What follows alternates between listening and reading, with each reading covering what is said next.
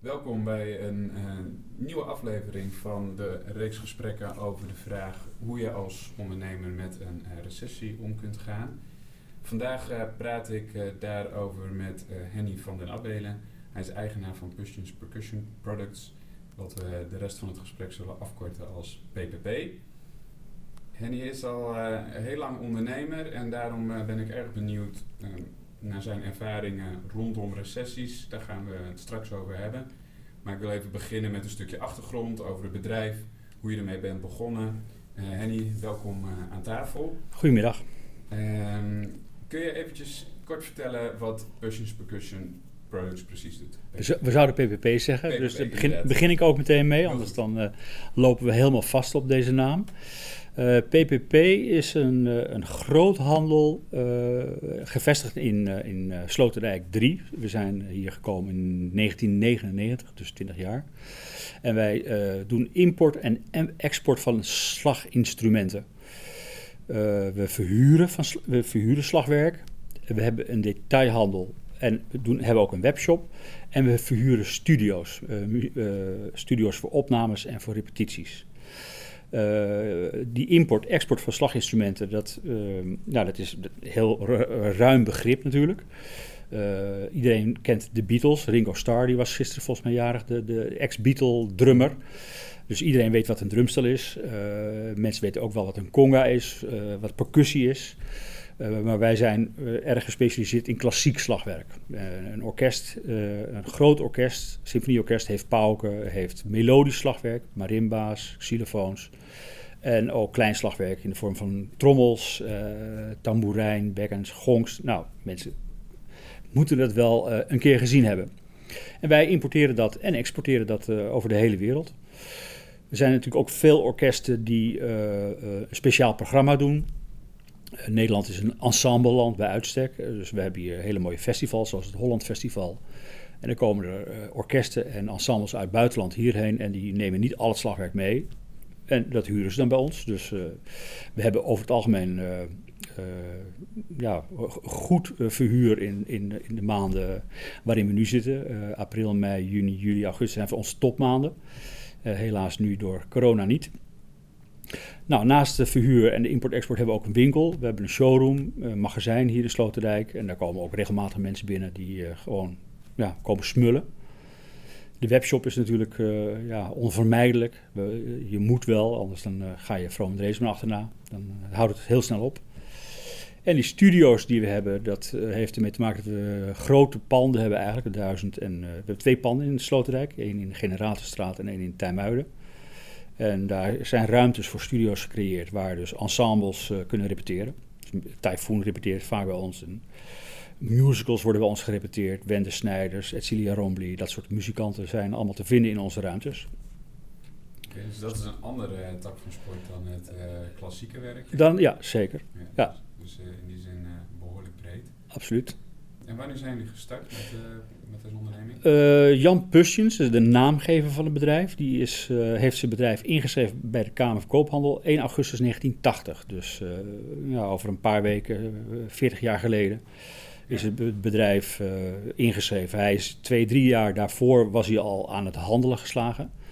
Maar officieel is, bestaat het bedrijf per 1 augustus 1980. En wanneer ben jij erbij gekomen? Ik ben eh, rond 1985 ben ik bij het bedrijf gekomen. En het, het heeft een grappige eh, oorzaak. Ik, ik was in die tijd wel voor eh, mijn hobby drummer. Ik studeerde economie. En ik drumde in een bandje van de Muziekschool Amsterdam. Dus ik kwam wel eens in de winkel. De winkel zat vroeger op het Singel, Sing- Singel 74. Een heel klein pandje, heel leuk. maar ja, onmogelijk. Er konden natuurlijk geen vrachtauto's toen al niet komen. Ehm, maar ik had een zoon, een zoontje van een jaar of vier en die zat op de peuterschool. En daar zat nog, zaten natuurlijk heel veel kindjes op de peuterschool. En een van de andere kindjes, die nam ik wel eens mee eh, na, eh, bij het afhalen. En dan bleef hij een paar uurtjes bij mij spelen. En dan bracht ik hem weer thuis. En zo hadden we een soort van deal dat mijn zoontje twee dagen bij eh, dat, gezin was. En ik paste dan twee dagen op hun kindje. En dat was toevallig het zoontje van Jan Pusjens. Dus op een gegeven moment was Arnoud, zo heette het ventje, jarig. En ik ben mijn zoontje gaan ophalen. En toen ontmoette ik Jan Pusjens. En die zei van nou, ik ben net een bedrijfje begonnen. En ik zoek een boekhouder, wat doe jij eigenlijk? Ik zeg, nou ja, ik studeer economie, ik kan het er wel bij doen. Ja, en zo is het begonnen. Dus eigenlijk via de kinderen ben ik uh, het bedrijf ingerold. En uh, de eerste weken, zo, ja, was het een klein bedrijfje. Uh, werkte ik twee dagen in de week en nou, ging al heel snel ging dat mis. En uiteindelijk ja, werkte ik gewoon zes, zes dagen in de week in dat bedrijf op het single. En waren jullie toen nog met z'n tweeën? Nee, er waren al wat mensen in dienst. Jan Pusjes was, nou ja, hij leeft niet meer, hij is in 2010 overleden, 2011 geloof ik. Hij was slagwerker bij het Koninklijk Concertgebouworkest. En hij was uh, hoofddocent van het uh, Zweling Conservatorium, zo heette dat toen nog, in, in de Van Baarlestraat. Uh, dus hij was eigenlijk nooit op de zaak en er waren wat mensen die in de winkel stonden. We hadden een magazijn, dat, hij huurde ruimte van het conservatorium. Die zaten vroeg in de Rode Hoed op de Keizersgracht. dat is wat, ja, die, die beginfase was echt heel grappig en kun je nu niet meer voorstellen dat dat zo ging.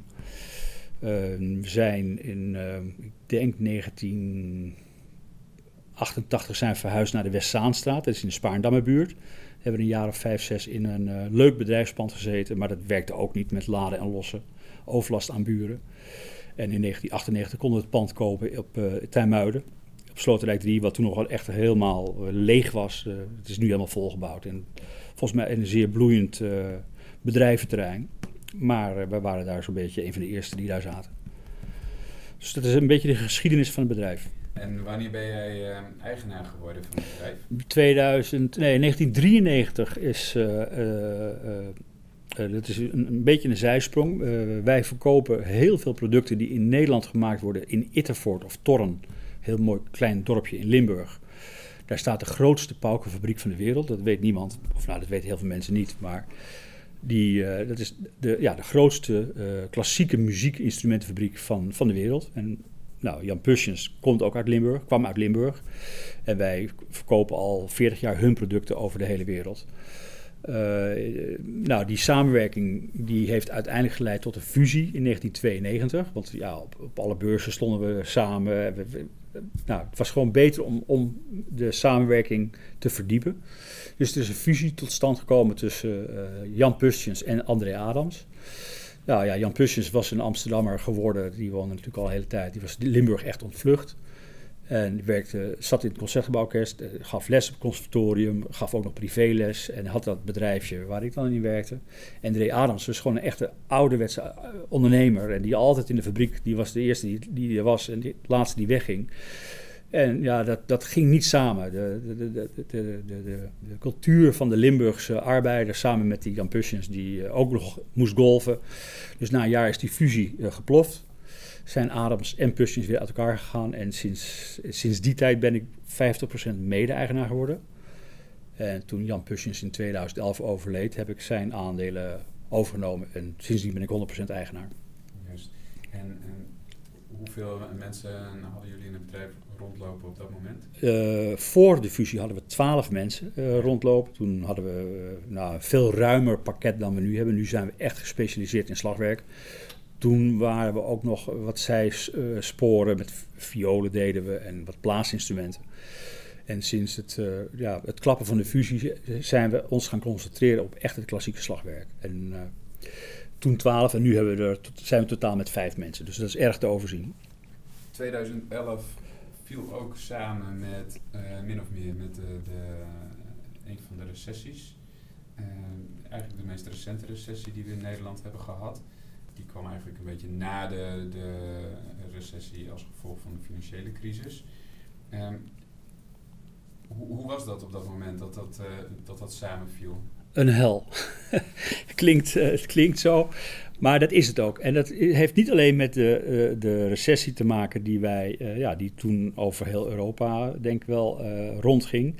Ook in die periode is, is het gesteggel begonnen om, om, de overname van de aandelen. Ik zou de aandelen overnemen.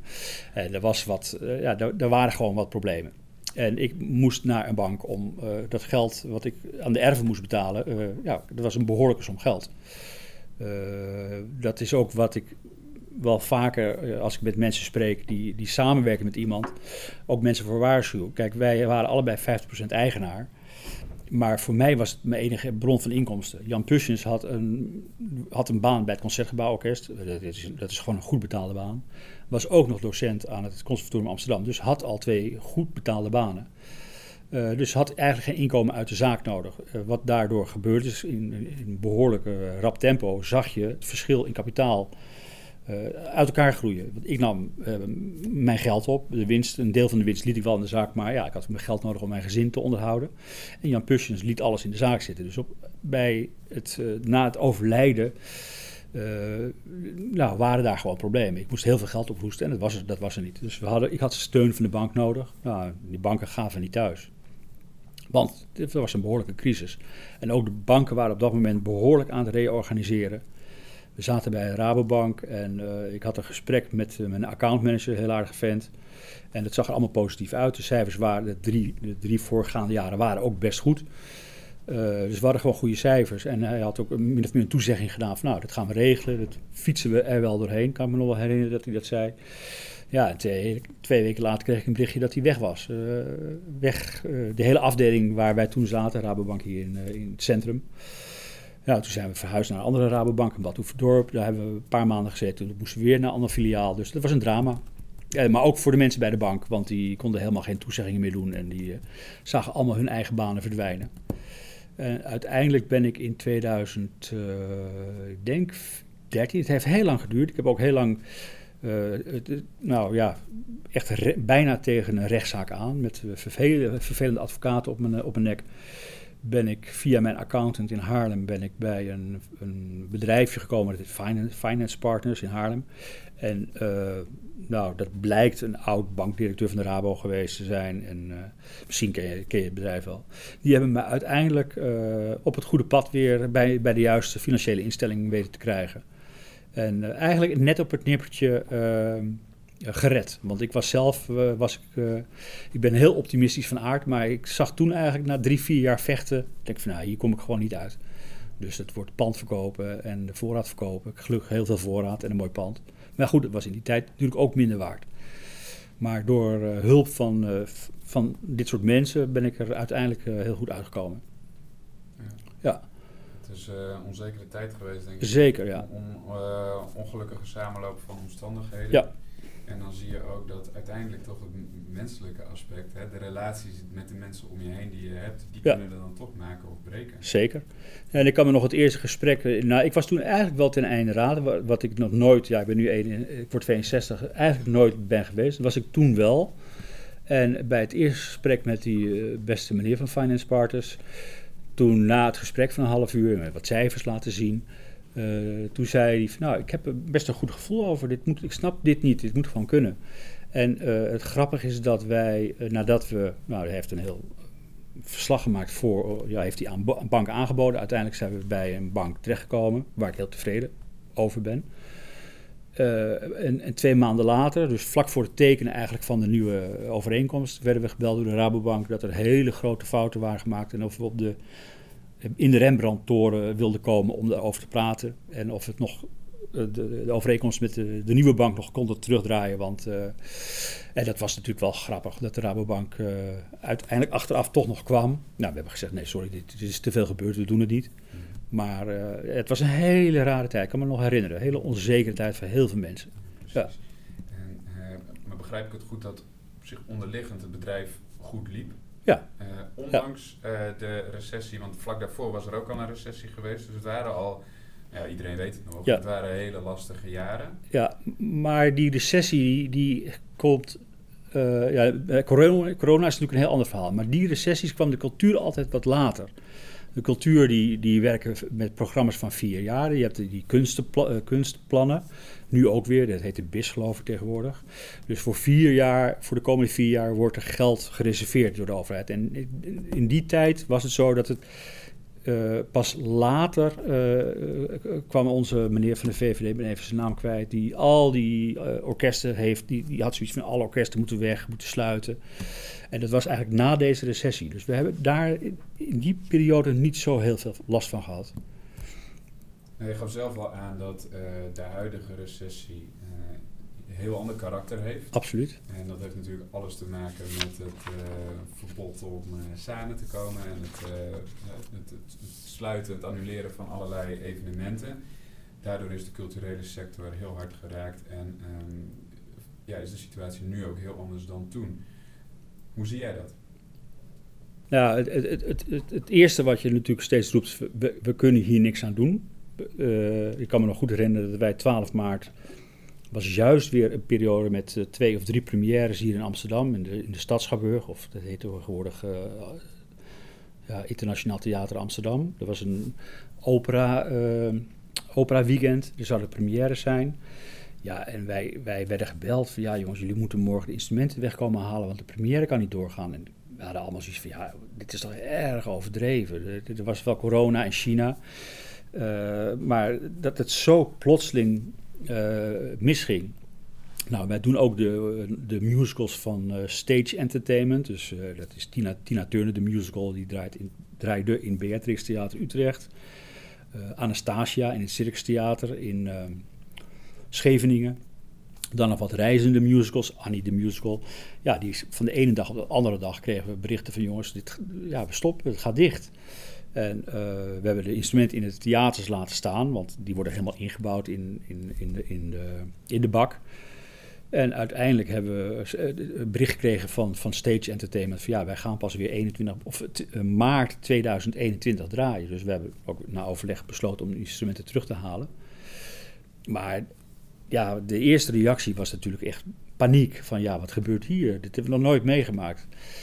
Uh, een theater kan afbranden, uh, mensen kunnen ziek worden, maar dat gewoon de hele culturele wereld uh, ja, op, stopt, gewoon stilstaat. Dat, dat, is hebben we nog nooit meegemaakt.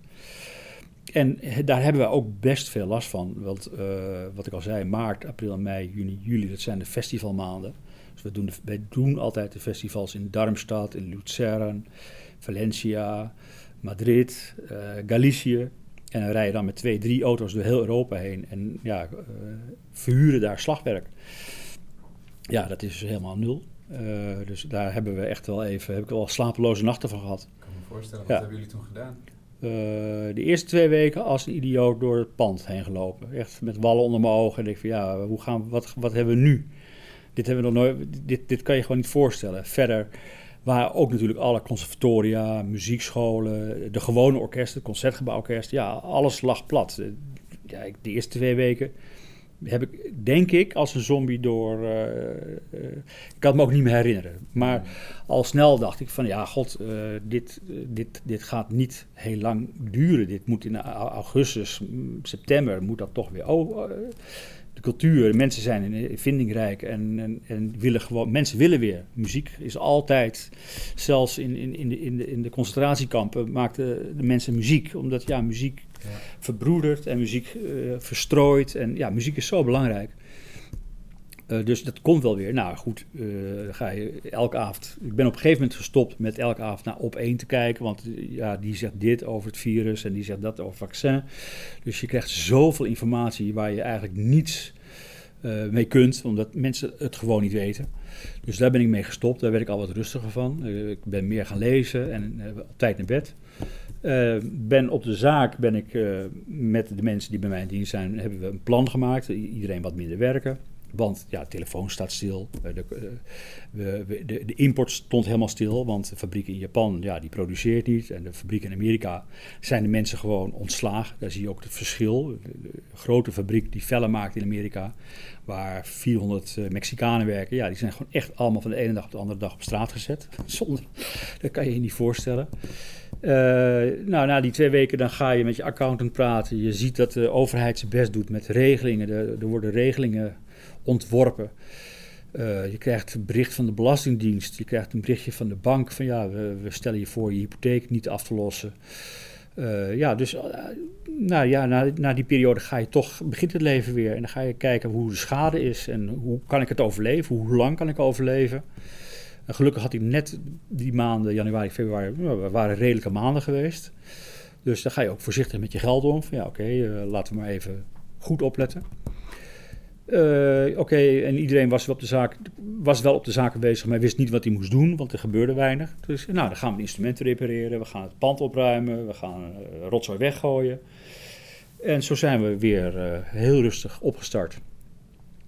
En nu merk ik weer dat we wel behoefte hebben dat het begint. Alleen, ja, het is vandaag 8 juli. Mm, het conservatorium in Amsterdam, dat zou in september open gaan, maar ik heb begrepen dat het toch niet open gaat zolang er geen vaccin is. Dus de berichten blijven eigenlijk uh, iets te negatief naar mijn zin. Dus als ik het even in mijn eigen woorden samenvat, dan was eigenlijk de eerste reactie was een soort van paniek. Paniek, ja. Een ja. paar weken ja. met stomheid geslagen Precies. eigenlijk. Ja. Vervolgens zijn jullie ooit op zaken gaan stellen. Ja. Ehm, pand opruimen, Ja. financi- financiën helder Ja. krijgen, al dat soort zaken, mensen nieuwe taken toebedelen. En ik kan me voorstellen dat daarna een, een moment komt dat je weer vooruit gaat kijken. Je noemde zelf al de vindingrijkheid van mensen. Ehm, ben je aan het wachten totdat, de, totdat alles weer op gang komt? Of ben je Nee, proactief nee. bezig om nieuwe dingen Absoluut. te initiëren? Ja, absoluut. Nou ja, kijk, de culturele sector is natuurlijk, nou, waar, de markt waar wij in zitten, is anders dan de hip-hop of de, de moderne muziekbranche. wij zitten in de klassieke, eh, klassieke eh, traditie. Dus de orkestleden, van, de orkestleden van het Concertgebouworkest of van de Berliner Philharmonica zullen niet zo snel naar de directie gaan en zeggen van we eisen dat we nu kunnen spelen. Of die mensen hebben niks te eisen. Want in een zaal, zoals het, het mooie concertgebouw, daar kunnen normaal 2200 mensen. Maar ja, nu met deze regels kunnen er maar 300 mensen in. En dat gaat gewoon niet werken. Voor het Concertgebouworkest niet. Nu zie je al het oude Robeco Festival. Dat is elke zomer. Dat heet nu anders. Dat is volgens mij... eh, Summer Nights of zo? nee, het, heet, het is een loterij. De bank Giro eh, die heeft het overgenomen. Oké. Maar dat begint nu weer. Dat, er zijn nu elke avond concerten voor 200, 300 mensen. Dus dat, er gebeurt wel wat. Maar dat is voor ons te weinig. Wij willen. Maar ik realiseer me ook dat ik niet moet eisen. Kan niet eisen dat het nu weer is zoals vorig jaar. Dat heeft echt tijd nodig. Dat, vanochtend met degene die bij ons de verhuur doet. Die is vandaag eh, zijn laatste dag. Die gaat op vakantie morgen. Eh, die zei van, nou, ik denk eigenlijk dat wij oktober, november nog steeds eh, op een heel laag pitje draaien. En dat moet ik me ook gaan realiseren. Dat, daar hou ik niet van, maar ik denk dat het gewoon wel waarheid is. En wat ik nu aan het doen ben, is te kijken. eh, het heel grappig is dat eh, wij doen ook zaken met Rusland. En daar is het een hele tijd slecht gegaan. En op de een of andere manier zitten daar nu weer wat fondsen. Dus we hebben deze week toevallig een grote zending naar eh, Moskou. Ja, dat, dat redt mijn omzet dan weer. Maar dat is niet mijn verhuuromzet. En dat is gewoon echt verkoopomzet. En mijn verhuuromzet is voor mij heel interessant, omdat die instrumenten die wij verhuren, dat is een groot deel van onze omvangrijke voorraad, die zijn eigenlijk afgeschreven. Dus als ik een, een set verhuur aan Luzern en dat levert 40.000 euro huur op, is dat eigenlijk gewoon, ja, gewoon geld. Er staat geen inkoop tegenover, want alles is al betaald. Je, ziet ook in de, in de literatuur die hierover geschreven is dat je in, in de aanloop, of eigenlijk als er geen recessie nog is, dat het dan verstandig is om eh, verschillende markten op te bouwen, zodat je, eh, als het in een bepaalde regio bijvoorbeeld eh, slecht gaat, economisch gezien, dat je dan misschien in een andere regio nog door kunt blijven gaan. En dat is nu wat je eigenlijk ook een beetje, wat jij beschrijft nu, dat Ja. in een ander land ehm, het, het, het nog wel, eh, of wat eerder misschien op gang komt. Aan de andere kant is de, ja, de, de coronacrisis is mondiaal, dus ja, over de hele wereld ligt het op zijn op zijn gat.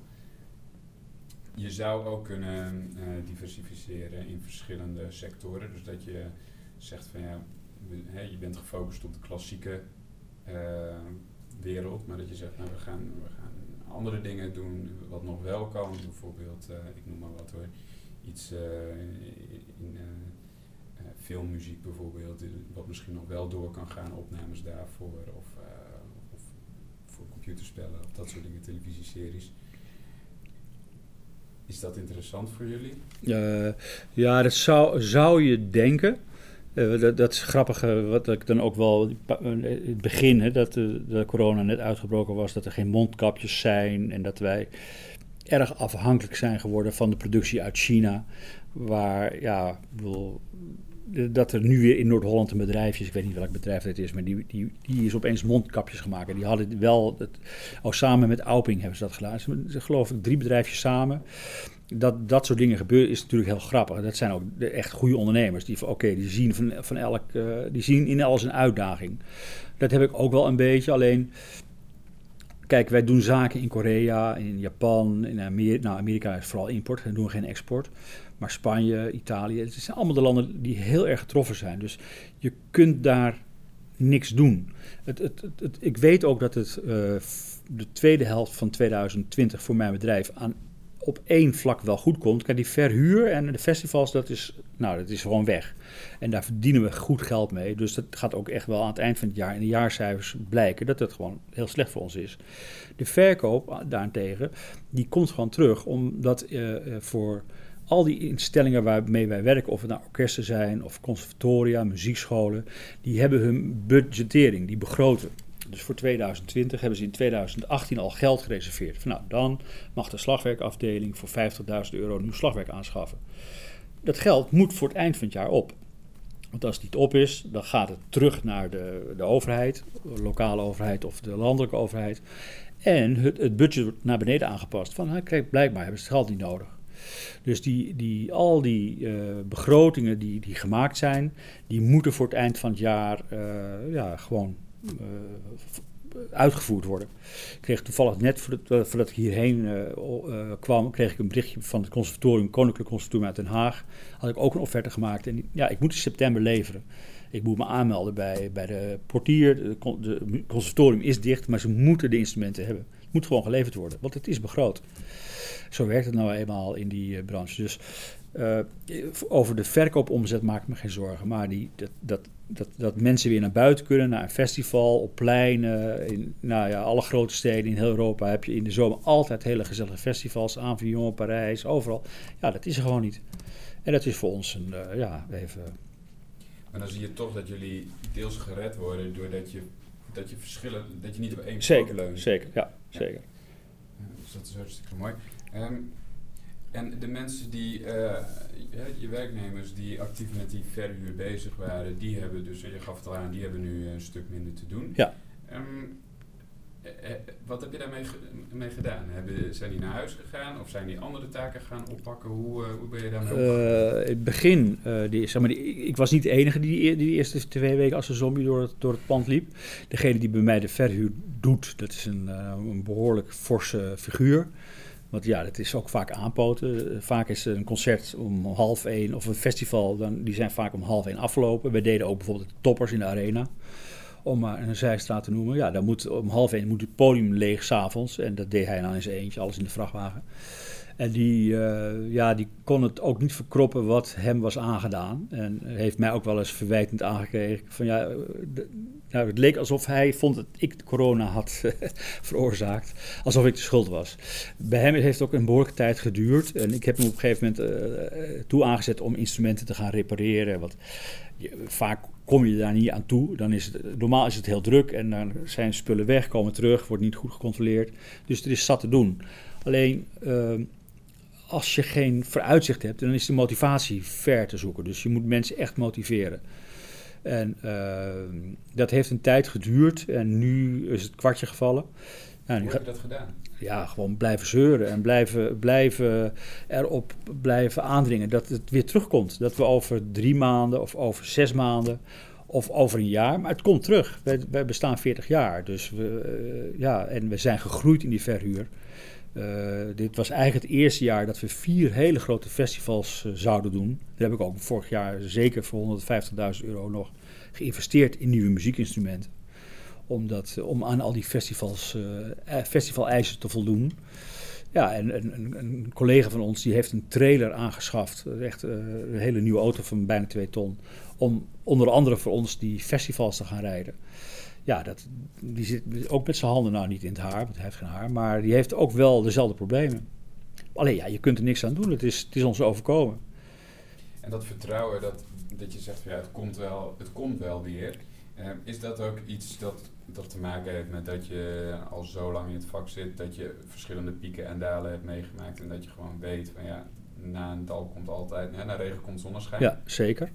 zeker. Ik denk ook wel dat er, eh, de, sommige festivals waren niet zo succesvol. Uh, dat zie je ook bij bedrijven. Sommige bedrijven grijpen dit aan om te zeggen, nou weet je wat, we zetten er een streep onder. Je had in het centrum van Amsterdam een hele leuke muziekhandel, Hampen Muziek op het Spui. Zaadje uit, ik, ik, geloof dat ze in 1860 zijn opgericht. Uh, die zijn geconfronteerd met een hele hoge huurverhoging, extra hoge huurverhoging. Zitten achter American Bookstore.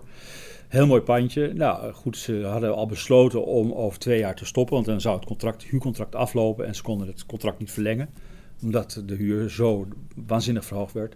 En die hebben door corona nu besloten twee jaar eerder een punt achter te zetten. Uh, zo had je nog een muziekhandel in Amsterdam, uh, Mullenmuziek op de Ruithuisstraat, precies hetzelfde verhaal.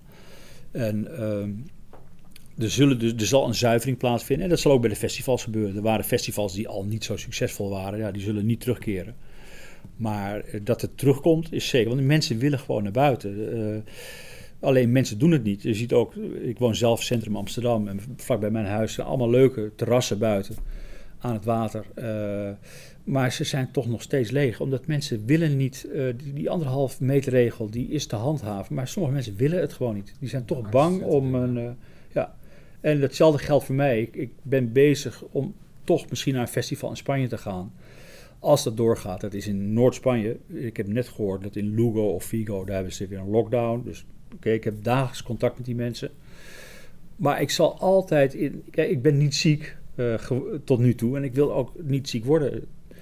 Ik ben niet bang voor corona, maar ik wil het niet krijgen. Dus, uh, maar ik weet wel dat mensen echt wel weer willen. En zeker muziek maken. Ja, precies.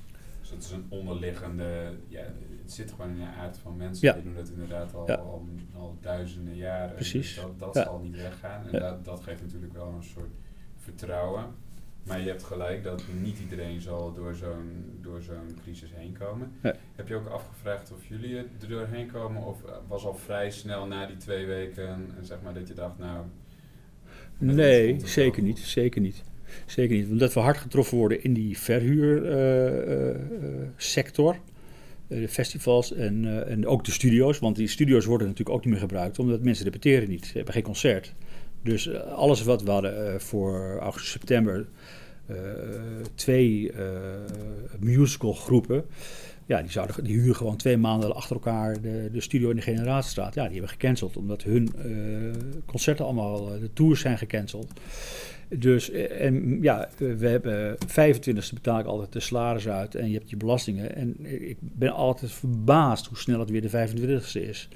En als wij niet de NOW-regeling hadden gehad, want ik heb natuurlijk uh, ingeschreven voor de NOW-regeling, de eerste, die hebben we gekregen.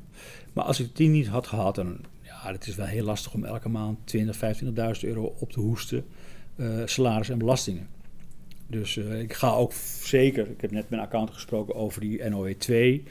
Er moet je, zijn wat andere eisen aangesteld, dus je moet wat andere gegevens uh, uh, produceren. En, maar ik denk wel dat ik even voor in aanmerking kom. Want ik denk dat mijn omzet, kijk de verhuuromzet is 90% lager, of 95% zelfs. maar onze totale omzet zal zo'n 35% lager zijn. Wat vind je van die regelingen van de overheid? ik, ik was zeer positief verbaasd eigenlijk van alle, uh, van alle drie instanties waar ik mee te maken heb. Belastingdienst, uh, de ING, waar ik dan als uh, mijn huisbank, en, en de, de, over, de UWV, de overheid. Ja, het is waanzinnig makkelijk eigenlijk hoe je, hoe je er waren geen ingewikkelde regels. Uh, ik moet wel zeggen, ik had die eerste NOW, die heb ik zelf gedaan. Mijn account zei van, dat doen wij wel voor je. Toen ik zag hoe zij het ingediend hadden, zag het er uh, wel iets beter uit. Dus uh, waarschijnlijk is het dankzij mijn accountant dat ik het ook wel snel voor elkaar heb gekregen. Maar ik, vind dat ik was daar heel positief verbaasd over. Ja. En dat heeft ook wel, wel weer het, het, uh, die paniek die toegeslagen was, weggenomen. Van, oh, oké, okay, het zit toch wel goed eigenlijk. Ja, en daar wilde ik nog even wat verder op doorvragen. Want je zei ook net, vond ik interessant, van, nou, ik ben op een gegeven moment wat meer gaan lezen. Ik heb uh, de gekte wat, uh, me daar wat voor afgesloten. En weer beter proberen te gaan slapen. Het is natuurlijk heel belangrijk dat je zeker als het moeilijk is, dat je gezond bent, dat je fit bent, zeker. dat je scherp bent, dat je goed kunt nadenken. Um, wat doe je verder nog om, uh, om je hoofd koel te houden? Niks bijzonders eigenlijk. Niets bijzonders. Ik hou van een wijntje. Ik hou van lekker eten. Ik heb drie fantastische kleinkinderen. Waar ik heel veel, die wonen gelukkig allemaal. Ik heb twee zoons, die wonen allemaal in de buurt. Een van mijn zoons, die beheert hier de studio in de Generaatstraat. En is de manager van Ellen ten Damme, Wouter Hamel, uh, Janne Stra, allemaal muzikanten. Die zit dus eigenlijk in hetzelfde vaarwater. Hij heeft net een pand gekocht in de houthavens voor zichzelf. Dus die zit ook in de, zit ook in de stress, maar is nog optimistischer dan ik ben. Uh, en mijn andere zoon die, die is purser bij de KLM. En die, die is ook eigenlijk heel somber. Want ja, dat was bij KLM precies hetzelfde verhaal.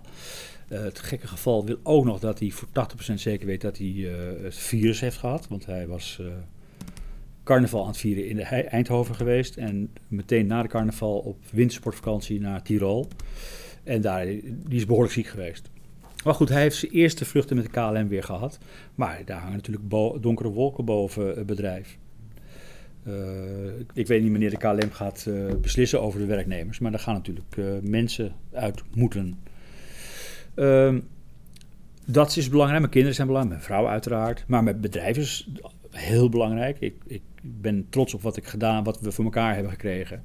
En ook heel veel help praten met al je collega's over de hele wereld. mensen in Spanje die veel erger aan toe waren dan bij ons. mensen gesproken die echt niet hun huis uit mochten. Ik heb één klant gehad die, die woont op vijf minuten met zijn auto bij zijn bedrijf vandaan en is toch zonder permissie. Die wou iets ophalen, want ja, moest thuiswerken en is met, zonder permissie naar, naar zijn bedrijf. Is gewoon door de, door de politie aangehouden. En dat is echt een hele andere politie dan bij ons hier. Want die staan echt met guns. En uh, ja, wat ben jij van plan? Ja, ik moet even naar mijn zaak, want ik moet spullen ophalen. Nou, gewoon een ontzettend dikke boete. Uh, klanten in Italië. Ik, heb al die mensen gesproken. En dan denk je van ja, we wonen toch wel in een waanzinnig land. Ik bedoel, uh, zo'n Rutte die dan een rust behoudt. En de jongen en het, verhaaltje waar, ieder, waar, ook iedereen naar keek in Nederland. Uh, heeft veel indruk op me gemaakt. En dan die regelingen. Dus ik werd al snel wat, wat positiever. Dus dat praten met andere mensen, dat heeft me heel erg geholpen. Ook het bedrijf in Limburg, waar we zaken mee doen, ben ik heen gegaan. Daar waren ook veel mensen ziek. Want ook in Limburg vieren carnaval. En verder rijd ik paard als, als, als uitlaatklep. Dat is voor mij heel belangrijk. Omdat als je bij een paard komt en je hebt stress, dan, uh, ja, dan gaat het paard raar doen. Kan een paard niet tegen, die voelt dat. Die zijn heel sensitief. Dus je moet, uh, voordat ik de manege instap, moet ik drie keer ademhalen. En nu, oké, okay, niet denken aan dit, niet denken aan dat. Gewoon concentreren op het beest. En dat is heel goed. Kan ik elke ondernemer aanraden. Uh, ook omdat je, eh, ja, een paard doet vaak dingen die jij niet wil. En dan moet je toch het paard vriendelijk, doch dringend verzoeken om uh, dingen te doen die, die jij wil. Het paard heeft een eigen wil. En uh, net zoals elk personeelslid ook een eigen wil heeft, zul je af en toe met een zweep moeten corrigeren. Dus ik, ik, zie heel veel crossverbanden tussen paardrijden en ondernemen. Ja. En ik kan me ook voorstellen dat je doordat je het even van je af moet zetten, dat je je moet focussen op dat paardrijden, ja. dat dat ook eventjes wat afstand geeft tot alle dingen waar je dagelijks mee bezig moet houden. En dat geeft dan ook een stukje rust. Ik ben zelf, mag ik graag zeilen. Ja. ja. En, en vooral als het um, bijvoorbeeld op zee, dat, nou, dat is toch even, kan spannend zijn, moet je goed op voorbereiden. Um, en dan ben je heel erg bezig met het hier en nu. Ja. En zorgen dat iedereen uh, zich goed voelt, dat iedereen zijn rust pakt, dat iedereen uh, uh, lekker bezig is. En um, je bent met de weersomstandigheden bezig. En daardoor valt eventjes, vallen alle andere dingen ja. even weg. En dat uh, is wel heel Zeker. Nou, we moeten bij paardrijden helaas zeggen dat het niet kon vanwege coronamaatregelen. Er, er mocht niet, bijna niet gereden worden. Maar ik noem het maar even mijn zombieweken. En laat ik, tussen, ik zei twee, maar het zijn er echt wel drie, vier geweest. Stond mijn hoofd er ook niet naar. Ik, kan niet, ik kon niet... Uh, uh, ontspannen op, op, op een paard gaan zitten. Maar ik, uh, in die periode, mijn, mijn kleinkinderen gingen ook niet naar school, wat al heel raar is natuurlijk, alle scholen dicht waren. Uh, maar mijn, mijn, mijn kleinkinderen zijn met, met mijn schoondochter en mijn zoon naar een huisje in Zuidlaar, Groningen, een boerderij, die stond daar leeg. Mochten ze lenen van een kennis, dus die hebben daar vijf of zes weken gezeten. En daar zijn we ook heen geweest, mijn vrouw en ik, gewoon toch tegen alle regels in bij onze kleinkinderen te zijn, een paar dagen. Maar ook daar kon ik me niet ontspannen. Want je bent, ik ben iemand die heel erg, ja, ik ben wel een beetje een controlefreak. Ik wil dingen, ja, dingen snappen.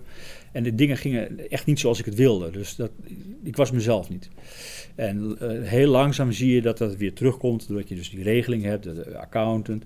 En wat heel belangrijk is ook, wat ik tegen heel veel mensen zeg, zorg dat al je spullen op orde zijn. Als je goede, ik weet, onze administratie is dagelijks bij. Dat is zo ongelooflijk belangrijk. Je kunt produceren. Ik, toevallig krijgen wij per 1 augustus uh, moet ik mijn, rente verlopen. Dus vijf jaar, vijf jaar geleden bij de hypotheek, uh, vijf jaar hypotheek bij de ING, die vervalt op één, of die moet verlengd worden. Het is zo belangrijk dat je echt heel snel je cijfers kunt presenteren. Dat ik niet uh, eerst een week uh, moet gaan Alles is debiteur, crediteur, uh, schulden, alles ligt gewoon vast. En dat is heel belangrijk. Daar, daar kun je jezelf mee redden. We maken nu ook, ik merk dat het nu ook een beetje afzwakt, maar in het begin maakten we elke dag een overzichtje van oké, dit, is, dit is wat we hebben op de ING, dit moeten we binnen nu en een maand betalen. Er zit daar ruimte in, wat, we moeten nu iets uh, onder druk van de account, van ja, probeer wat voorraad te verkopen. Nou, dan probeer ik duidelijk te maken, de beste man, dat het niet gaat. Want slagwerkers zijn ZZP'ers, hebben geen inkomen, dus gaan echt niks kopen. De muziekschool, conservatorium is gesloten. Dus je gaat nu niet uh, door dingen af te prijzen, eh, omzet creëren. Dat lukt gewoon niet. Daar is de tijd niet naar. Dus al die dingen samen, eh, als je zorgt dat je je administratie goed op orde hebt, dat je goede relaties hebt met je personeel, maar ook met ja, mensen om je heen. Dat ik ook die finance partners, die heb gebeld van ja, god, hoe ik, wat moeten we nu weer hiermee? Ja, voor hun is het natuurlijk gouden tijd, want ja, zij kunnen ook rust brengen in de tent. Dan ga je even een keertje lunchen en dan ga je praten en oké, nou, dan worden dingen duidelijker oké, als we het voorzichtig doen en de Belastingdienst zegt nou, we stellen uit waar je ook mee moet uitkijken, want ja, loonheffing loopt wel elke maand op. Op een gegeven moment heb je gewoon een belastingsschuld van 50.000 euro. Dus ook daar moet je mee uitkijken. Maar het is belangrijk dat je communiceert eigenlijk, dat is heel belangrijk. En dat heb ik die eerste twee weken niet gedaan. Dat, dat merkt mijn vrouw nog. Dus dan klap ik dicht en dan zit ik een beetje uh, voor me uit te kijken. En ja, dat is heel, heel niet slim. Waar ik ook wel benieuwd naar ben, is uh, je zegt van ik ben een enorme optimist van mezelf. Uh, zie je hier nou ook nieuwe kansen? Of heb je misschien in eerdere recessies, want dit is natuurlijk niet de eerste keer dat het sinds 1980 zeg maar, dat dit gebeurt, zoiets gebeurt. Ehm, heb je eerdere recessies gehad waarvan je zegt, nou daar hebben we enorm van geprofiteerd? Um, nou, niet, niet echt, niet, niet aantoonbaar. Het, waar ik wel heel erg over twijfel, nu ook weer, is de, de, de omslag maken naar um, verkoop via het net. En, en uh, ja, de klassieke mensen zie je nu ook steeds meer. Kijk, op internet zijn er een paar hele grote muziekwinkels. Je hebt in Duitsland een gigant, die heeft een omzet van een miljard. Thomann is dat. Ja, daar werken 4000 mensen, geloof ik. Daar moeten wij mee concurreren. Daar heb ik ook weer een hele tijd erg tegenop gezien. Die had ze hele lage prijs op internet. Maar inmiddels kruipen zijn prijzen ook omhoog. Want ja, hij moet toch marge maken. Uh, dus daar was ik ook, heb ik ook angst voor. Eigenlijk is uh, wat je. Je moet eigenlijk nooit bang zijn als ondernemer. En als je angstgevoelens hebt. Dat heb ik wel gehad ook in die tijd met, met die hele discussie met die erven, met, met advocaten. En al, heb ik ook nog wel met, een, met mijn huisarts over angsten gesproken. Ja, je moet eigenlijk altijd zorgen dat je die angst buiten de deur houdt. Angst brengt je helemaal niks. Slechtste raadgever, zeggen ze geloof ik. Dus als je zoiets voelt, dan moet je erboven proberen te gaan staan. En oké, waar ligt mijn kracht? Waar, wat is de kracht van mijn bedrijf? Wat onderscheidt het kleine bedrijfje op Slotenrijk van het grote bedrijf in Duitsland met een omzet van een miljard? Zij zijn denk ik veel kwetsbaarder dan wij zijn. En... Uh, ik kan me ook niet voorstellen dat zo'n man met 4000 man personeel een gelukkig mens is. Dat hoop ik dan maar, dat hij uh, alle stress heeft van al zijn mensen. Nee, het is heel lastig. Je moet, uh, je moet steeds bij jezelf te raden van, uh, ja, hoe, hoe, moet je dit oplossen? En, positief blijven, dat, dat is gewoon soms heel lastig. Maar ja, dat helpt wel heel erg. ja, er zijn denk ik ook geen negatieve ondernemers. Als je negatief bent, dan kun je niet ondernemen. Ik ook niet. Ik heb ooit een documentaire gezien Power of Nightmares. Waarin ook inderdaad die, die uh, ja, wordt laten zien hoe, hoe slechte raadgever angst is. En dat gaat dan voor het, namelijk geldt dat dan uh, voor politici en beleidsmakers, dat soort dingen. Het geldt voor alles in je Ja. hele leven. Niet alleen voor, je, voor, je, voor het ondernemen, maar eh, angst, dat, dat, dat, ja, dat eh, zorgt er echt voor dat je, je, je IQ ook omlaag gaat, volgens Ja. mij. Eh, dat je slechtere beslissingen gaat nemen. Dus ik denk dat het heel belangrijk is op zo'n moment om te gaan rationaliseren. Oké, Ja. waar komt die angst nou vandaan? Eh, is, wat is hiervan terecht en wat is een onterechte angst? En, en dan gaan kijken van oké, wat zijn de problemen? En, en vervolgens eh, daar oplossingen voor gaan zoeken. En dan ga je er rationeel mee om Ja. en dan verlandt het je niet. Nee, ook weer de zombieweek, zeg maar, voor zombieweken. Twee weken dan toch naar de zaak en dan om vijf uur naar huis. Nou, oké, dan drinken we even een glaasje wijn, neem nog een glaasje wijn, dan ga je eten, neem nog een glaasje wijn. Op een gegeven moment zeiden we na het eten, weet je wat, we gaan wandelen, we gaan gewoon de stad in. Ik woon in het centrum Amsterdam. Nou, ik heb plekken gezien in Amsterdam. Nou, sowieso veel foto's gemaakt, ook van een dam die helemaal leeg is, zeker de eerste week. Eh, maar elke dag, eh, nou, gewoon anderhalf uur door de stad lopen, slenteren, rustig lopen, kijken, je verbazen. En eh, nu doen we het niet meer, hoewel ik nog steeds elke week twee keer zeker tegen mijn vrouw zeg, nou ik ga even naar buiten. En dan heb, dan heb je dat wijntje niet meer en je bent in beweging. En als je denkt, dan gebeuren er toch hele rare dingen in je hoofd. Want je gaat opeens, denk je niet meer, eh, je denkt van, goh, wat een mooi huis. Ja, ik wil eigenlijk mijn huis ook wel weer. Ik wil, je krijgt ideeën en dan opeens na een kwartier denk je van, hé, ik heb al een kwartier niet gedacht aan de problemen die er zijn. Dat is heel grappig. Dus wandelen is, nou, is ook zo'n, weet niet, iemand heeft een boek geschreven, ik weet niet welke schrijver het was. Een eh, journalist. Oh ja, die bij, de, eh, bij RTL 4 weg moest. eh Humberto Tan, die, die hem opgevolgd heeft. Twan Huis.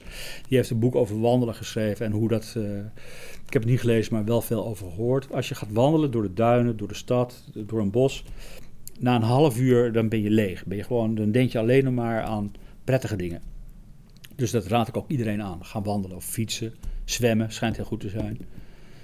Ja, nou, het kan niet altijd, maar het is eh, zeker... Nou, Aan te tips. Heb je nog andere tips die je over de afgelopen jaren hebt geleerd en waarvan je zegt, Nou, nou, dat zou ik... eh, wat ik hard Ja, wat ik nu weer geleerd heb, ook als we deze crisis overleven, waar ik wel eh, nou, voor 80% van overtuigd ben, is toch meer reserves opbouwen. Toch, eh, wij, wij leven, ik ben een eh, hele makkelijke spender, zowel privé als zakelijk. Als ik wat geld heb, denk ik van nou ja, ik koop weer wat. Ik heb ook altijd ruzie met mijn accountant over de voorraad. Ja, waarom is hij nou weer gegroeid? Weer 100.000 euro meer. Verkoop toch eens wat, want daar zit je liquiditeit. En eh, nou, als dit achter de rug is, dan ga ik zorgen. Ik hoop niet dat mijn accountant dit ooit hoort, want die gaat me uitlachen. eh, dat ik ergens een potje heb waar, waar een behoorlijke buffer in zit. Dat je gewoon eh, een jaar zonder hulp door zou kunnen. Kijk, wat nu met die NOW-regeling, ja, het is, het is fantastisch. Maar het is ook de eerste keer dat de, volgens mij dat de overheid dit doet. Het is heel bijzonder. Ik ben echt, nou, ik ben er heel erg. eh, overal waar ik kom, vertel ik het ook in het buitenland. Ja, wat hier in Nederland gebeurt, is eh, absurd. En misschien zou de overheid nog een stapje verder moeten gaan en ook wat aanmoedigen dat je reserves opbouwt. Want we hebben Zeker, te maken absoluut. met een, eh, met een schuldeneconomie. Ja, Waar het aangaan Ja. van schuld wordt gestimuleerd en, en niet het opbouwen van reserves. Nee. Ja, en dan ben je soms ook misschien een dief van je eigen portemonnee als je dat wel doet. Ja. Terwijl als ze, als ze daar meer een eh, structurele wijziging in Zeker. door te voeren, Ja. dan kunnen we misschien met z'n allen wat meer, eh, ja, hoe zeg je dat in het Nederlands, resilience eh, opbouwen. Nee. Kijk, ja. Want we- dit gaat natuurlijk een gigantische weer eh, eh, effect hebben op onze eh, economie. Ik bedoel, er worden miljarden uitgegeven. Ik denk dat we dit jaar 100 miljard uit gaan. ja, dat zal, we zullen toch terug moeten betalen voor onze kinderen. En ik denk dat het heel goed is dat mensen verplicht worden een, een bepaald deel van hun omzet, ja, een percentage, gewoon als vaste reserve te hebben. Maar ik, ik heb hiervan geleerd, en ik hoop dat ik het ook ga doen, dat ik daar een potje ga creëren waar dat... eh, ik heb het gezien, dat, dat we, wat ik al zei, januari, februari, wat, echt, wat extra dingen hadden. En nou, dat, daar heb- teer ik nu nog op. Ontzettend bedankt. Graag Eh, gedaan. heel leuk eh, gesprek.